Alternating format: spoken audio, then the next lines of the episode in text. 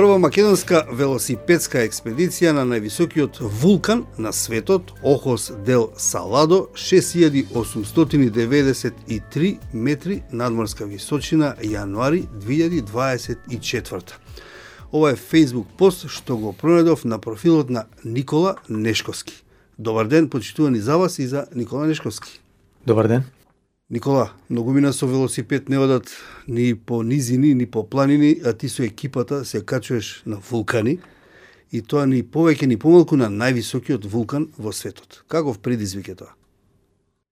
Предизвик што се крчка можда две години веќе. А, тоа што се, се крчкаше, завршена веќе приказната. А, се започна, јас би рекол, неколку години уназад, кај што со една екипа почнавме да качуваме малце повисоки планини, повисоки планини од е, она што го имаме тука во Македонија, да речеме. Дојдоа една по друга се редеа и планини и континенти. Започнавме со со Африка, со Килиманджаро, продолживме со Дамавант, а во меѓувреме јас а, фатив нешто на кај Италија, малце пониско етна, исто вулкан. А, и лани последно нешто Арарат, пред Охос дел Саладо. И некако ни тргна целава работа. Во смисла на тоа тргна дека многу ни убаво. Буквално. Тоа, тоа, тоа го викам под тоа го подразбирам под тргна. Така да си дојде постепено да нели целиме кон највисокиот вулкан на светот. А тоа да не Невадо, не. Невадо Сан Франциско е, е планина што е исто 6000 метри, таа ја качивме пред е, Охос дел Саладо. Може би на социјални медиуми редоследот малце беше различен бидејќи немавме интернет таму. Тоа е пустина пустина на висина од 4300 метри, кај што бевме. И во околината се планини над 6000 метри, едно 15-тина. Од кој дел може да се возат, делумно, дел нема шанси да се возат. И ние ги пикиравме оние што може. Добро, тоа сигурно чини доста средства. Па, чини доста средства целата приказна. А, и затоа се спремаме цела година. Зборам под спремање не значи само нели физички и економски има спремање. Така да да. Никола, како се дефинираш себе си? Еве, да, да, да им објасниме на оние што не слушаат како велосипедист, како еколог или едукатор. Ова те прашувам затоа што, нели, кога те сурфав по социјалните мрежи, читам дека си дел од Сдруженијето Велоучилишта. Колку ученици, например, пример, Или ајде прво кажи за себе, па потоа ќе ме прашање. А, како трите ја би се дефинирал и како велосипедист, едукатор, еколог и генерално и планинар би спомнал, бидејќи не одам само само на две тркала на планина. А, дел сум и од велоучилиште и од екологик. Тоа се две здруженија различни. А, екологик работи главно во поле на промоција на животна средина, образование за животна средина, најмногу работи со млади, со деца велоучилиште од друга страна и сами самото име кажува работи на тема е, промоција на велосипедизам. Исто кај деца. Така да главен фокус на она што го работам се децата, иако работиме со возрастни, тие, ајде да кажам се, може би звучи малце незгодно, ама во секундарен план ги ставаме. Децата не се примарна таргет група со која работиме. А, сметам дека треба да им се даде на нив важност, па после на нас, нели, како возрастни. А инаку што друго работиш? Од, од што живееш? Од тоа, буквално. Значи јас ова го работам веќе со екологик а, 13 години. А, зборам како дел од екологик, меѓутоа предходно сум бил дел од различни други здруженија поврзани со заштита животна средина, така да генерално од тоа, од од животната средина, ајде да речеме. Гледам дека испроведуваш анкети а, на социјалните мрежи, на Facebook прочитав една, за тоа колку учениците одат со велосипед на училиште, па да продолжиме во тој правец. Има ли одзив? Има. За одзив има. Во моментов уште трае. Ако не се лажам, треба да заврши 7, 8, 9 февруари таа анкета. А, таа ни е целта на неа да добиеме резултати за да а, видиме како да поставиме нови активности во иднина. Зборам од септември со, со учениците и со училиштата со кои работиме. Изумив да кажам, велоучилишта во моментот активно работи со 185 основни училишта на ниво на Македонија. Од сите, зборам од повеќе општини, 30 на 31 општина ни се опфатени. А, во поглед на прашањето дали одат, колку одат, не се баш сјајни бројките. Сега веќе ако дискутираме на таа тема, да, не се сејани да, бројките, ама од друга страна... Да, е... да, дали младиве се повеќе по, по спортот, велосипедизмот или по кејф да си седат дома на компјутер или на мобилен, па со тато мама со автомобил да ги носат на училиште. Тоа да, родителите тука не се една главна, да речеме, алка во целава приказна. И малку повеќе работиме со нив во последниот период, за да пробаме да ги мотивираме, пробаме да ги убедиме дека со нивна помош, не само детето, може да стигне до, од дома до училиште, од точка А до точка Б. Иако не, не е сјајна инфраструктурата, еве барем во Скопје кај што кај што јас живеам, а меѓутоа па е подобро од другите градови. Сега барем тоа треба да го искористиме, кога веќе правиме некои споредби. А во поглед на моментот на спорт, велосипедизмот го гледаме ние од повеќе аспекти како здружение, не само спорт. Значи не го промовираме како активност на физичко, само, туку го промовираме како спорт, како начин на живот и како нешто со кое придонесуваме за подобра животна средина. Така да им сервираме на децата еден целосен пакет во поглед на велосипедизмот, бидејќи не може сите да бидеме нели врвни спортисти. А што е целта на еко, еко училницата? Еко училница е па друг концепт. Еко училница е дел од Екологик, како здружение. екоучилница има за цел да промовира малку поразличен пристап во учењето за животната средина. Бидејќи сега во изминативе години не може да кажам дека во училиштата не се застапени темите поврзани со животна средина. Треба да се повеќе, ама ги има. Е сега начинот на кој се предаваат се уште е тој стандарден теоретски каде што нели наставникот збори, учениците слушаат. Од пред неколку години решивме малце тоа да го промениме Така да сега наставникот не е тој што збори, односно збори неколку минути. После тоа сите се вклучуваат во во креирање на активности, во реализација на активноста. Тоа е еден пристап на искуствено. Одите, одите надвор на терен или И така и така. И така и така, а, ние го промовираме а, методот на искуствено учење. Значи децата мора да направат нешто, тоа што го збори наставникот, децата сами мора да го изработат. И нашата а, програма тука за екоучилница се базира на експерименти во превод активности, часови, кои се поврзани со курикулумот, со наставната програма. Значи не е нешто надвор од неа, меѓутоа пристапот е многу поинтерактивен, позабавен за децата, а целта се постигнува. Е тоа е коучилница. Така, добро. А, имаш ли некаква соработка со институциите на системот, со Министерство за здрава животна средина или како веќе се вика, со Министерството за образование? Покажуваат ли ти интерес за твојата и вашата работа? Ќе бидам малце резервиран во одговорот. Слободно. а, има некаква соработка.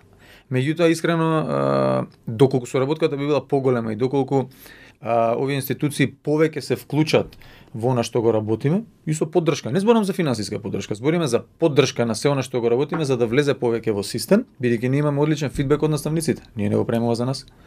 Ние го правиме и за наставниците, наставниците работат со децата. Така оди Синџирот. Како, како влегувате на пример во училиштата кога ако немате одобрение од Министерство за образование? Е, сега ќе објаснам. Не, фактички Министерството за образование а, не одобрува влез во училиштата, туку одобрува да. одредени активности да, или како, програми. И како новинари знаеме за влез, меѓутоа треба да имаш нели програма да, да од општината.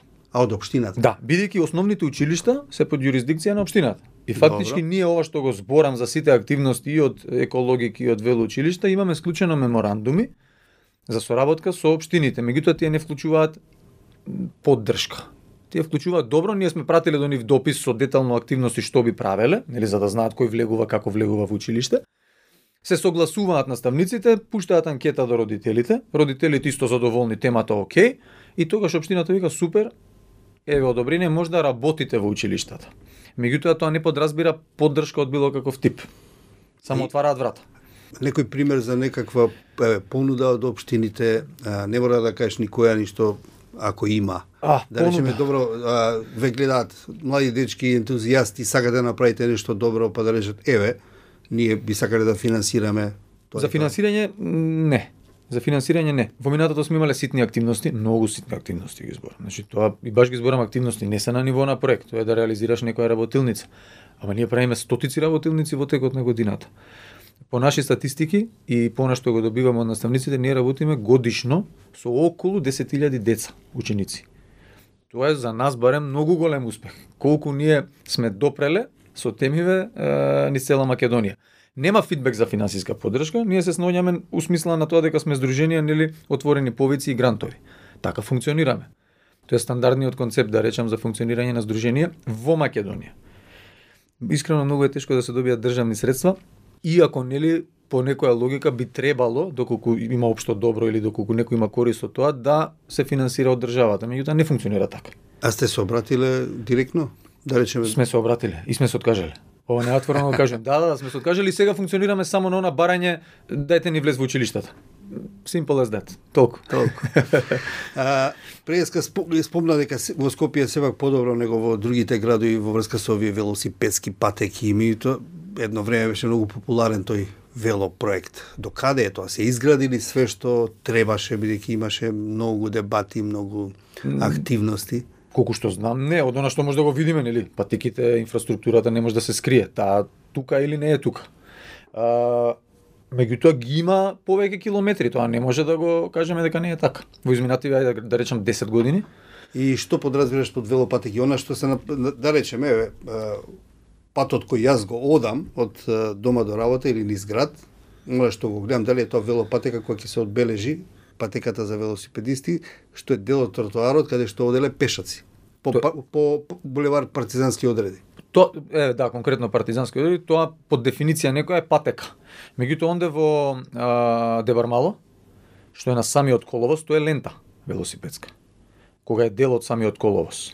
Так. А ова е физички одвоено е. Сега по логика на нештата, мене партизанска ми е идеално за да биде велосипедска патека оној делот што е до улицата. Ако нема па паркирано дел, автомобили на третата лента на тоа мислиш? не, не, не, зборам не дел од коловозот, како што е во моментов. Добро. Мене ми е сосема логично да е така, бидејќи јас цело време сум со со точак низ градов. Во моментов го имаме коловозот, па имаме тротоарче, тоа е велосипедската, па имаме некои тревнати површини заградени, па после имаме пешачка. Широка. И дупло поширока е таа од велосипедската. И оке да е така. Ама мене главен проблем конкретно на партизански или на, на деловите кај што има или не Рибар, кај што има а, велосипедски патеки ми се пешаците. Тоа е моментот што ја не го разбирам, значи на толкави знаци и на толкави она инфоматеријали дека ова е велопатека, се уште одат таму. Например, ја не гледам луѓе дека одат на коловоз. Нели по логика би требало и таму да, да се движат луѓе. Некако така тече тече и и, и муаветов во таа насока што факти следно на што што сакав да те прашам. Од тие велопатеки вие мора да се сипнете, да поминете нели низ да, да, да. раскрсница, да се уклучите каде што одат и другите учесници на сообраќајот. И не е само тоа, и кога возите по тие велопатики, каде што треба да возите, тука многу често и пешаци се движат по тие. Каков е односот со другите учесници во сообраќајот? Звонче само решава ситуација за да не влезеш во конфликт. Нели пошто другото би било со Ама звонче решава, да, решава бидејќи малце ги ги она ги штрекнува и се тргнуваат на страна. Ама ја испомнувам Сега така на шала, да. пола на смеа, ама спомнувам дека не е тука местото. Нема спас. Ако не се постават оние столпчиња што ја не ги сакам. Како пристап, тој пристап е докажан дека дека психолошки не влијае добро. Конкретно збораме во во Британија. Они така исто почнале да ги обележуваат патиките со столпчиња. Тоа е пристап што што што што затвара. Тој не ако, отвара размислување. Јас мислам ако нема столпчиња тука по нашите улици нема да може ни пешак да помине. Е, точно, точно за жал така. Инаку ја не сакам да има столпчиња, ако нема нема спас. Ке се паркираат и тоа е тоа. Еве кај мене конкретно зборам, јас живеам во Козле мислам дека се вика Московска улицата, не ми текнува дали овој градоначалник сега, староновиот или предходниот, ја обележа патеката, мислам дека сега се бележеше, мање више. Джабе само е бележена, мислам тоа е за убилтен општински. Има дрон фотка, све е супер, колите се тргнати тој ден, има редари, патеката е нова, тоа е фактички лента, не е патека, велосипедска лента, меѓутоа секој ден кога идам колите се паркирани, тоа буквално бочно и цела лента е зафатена, бидејќи помеѓу столпчињата има 2-2,5 метри. Комбе може да влезе, не кола, во ширина. Значи, сообраќајната култура не е на ниво. Па да и тоа го баш пред некој време гледав некои истражувања и заради тоа ние константно си држиме заедно со најлошите во овој сегмент од Европска унија, Романија и Бугарија, си ги држиме жртвите во сообраќајот. Не ги пуштаме да паднат. Никако. Никако. Константни сме, тука сме. И тоа значи дека нема подобрување, мислам. Таа е статистиката. Жртви во сообраќај зборам од аспект на велосипедисти и пешаци, како тие ги спомнувам сега како жртви. Николу уште едно прашање пред крај. Каде која е следна дестинација по планините, по вулканите? Имаш О, плани? Има многу. има многу Желби или Па има и желби, да, ама ако нема па желби, не, ништо не да. правиме, да. А, нешто се планира за пролет, нешто пониско, ќе видиме дали ќе се оствари а, во Африка. Нешто се планира Русија летово. и здравје следната година јануари, јас доколку имам можност би се вратил пак на пак во Јужна Америка. Ама ќе видиме како ќе се одвиваат работите. Мислам, тоа е еден, еден процес што треба да се изоди и изработи, би рекол, за да нели сите коцки се наместат, пошто не е баш едноставно само желбава да ја имаме. Ама би направил на таква авантура, ама малце покомплексна и по а, би рекол сурово од ова, во смисла на тоа по тежина и по и по ниво на авантура. Добро, ти посакувам успех да се качиш со велосипед или пешки по која било планина што ќе ја посакаш, почитувани, тоа беше Никола Нешковски, планинар, велосипедист, едукатор, еколог, млад човек. Вие Слушајте не, следете го подкастот Зошто на Слободна Европа и на Spotify, YouTube, Apple, Google Podcast. Кликнете на Зошто и давајте ни идеи и теми кои сакате да ги слушате. А ние ќе прашуваме преку нашите социјални мрежи. Поздрав од Дејан Балаловски и Зоран Ќука.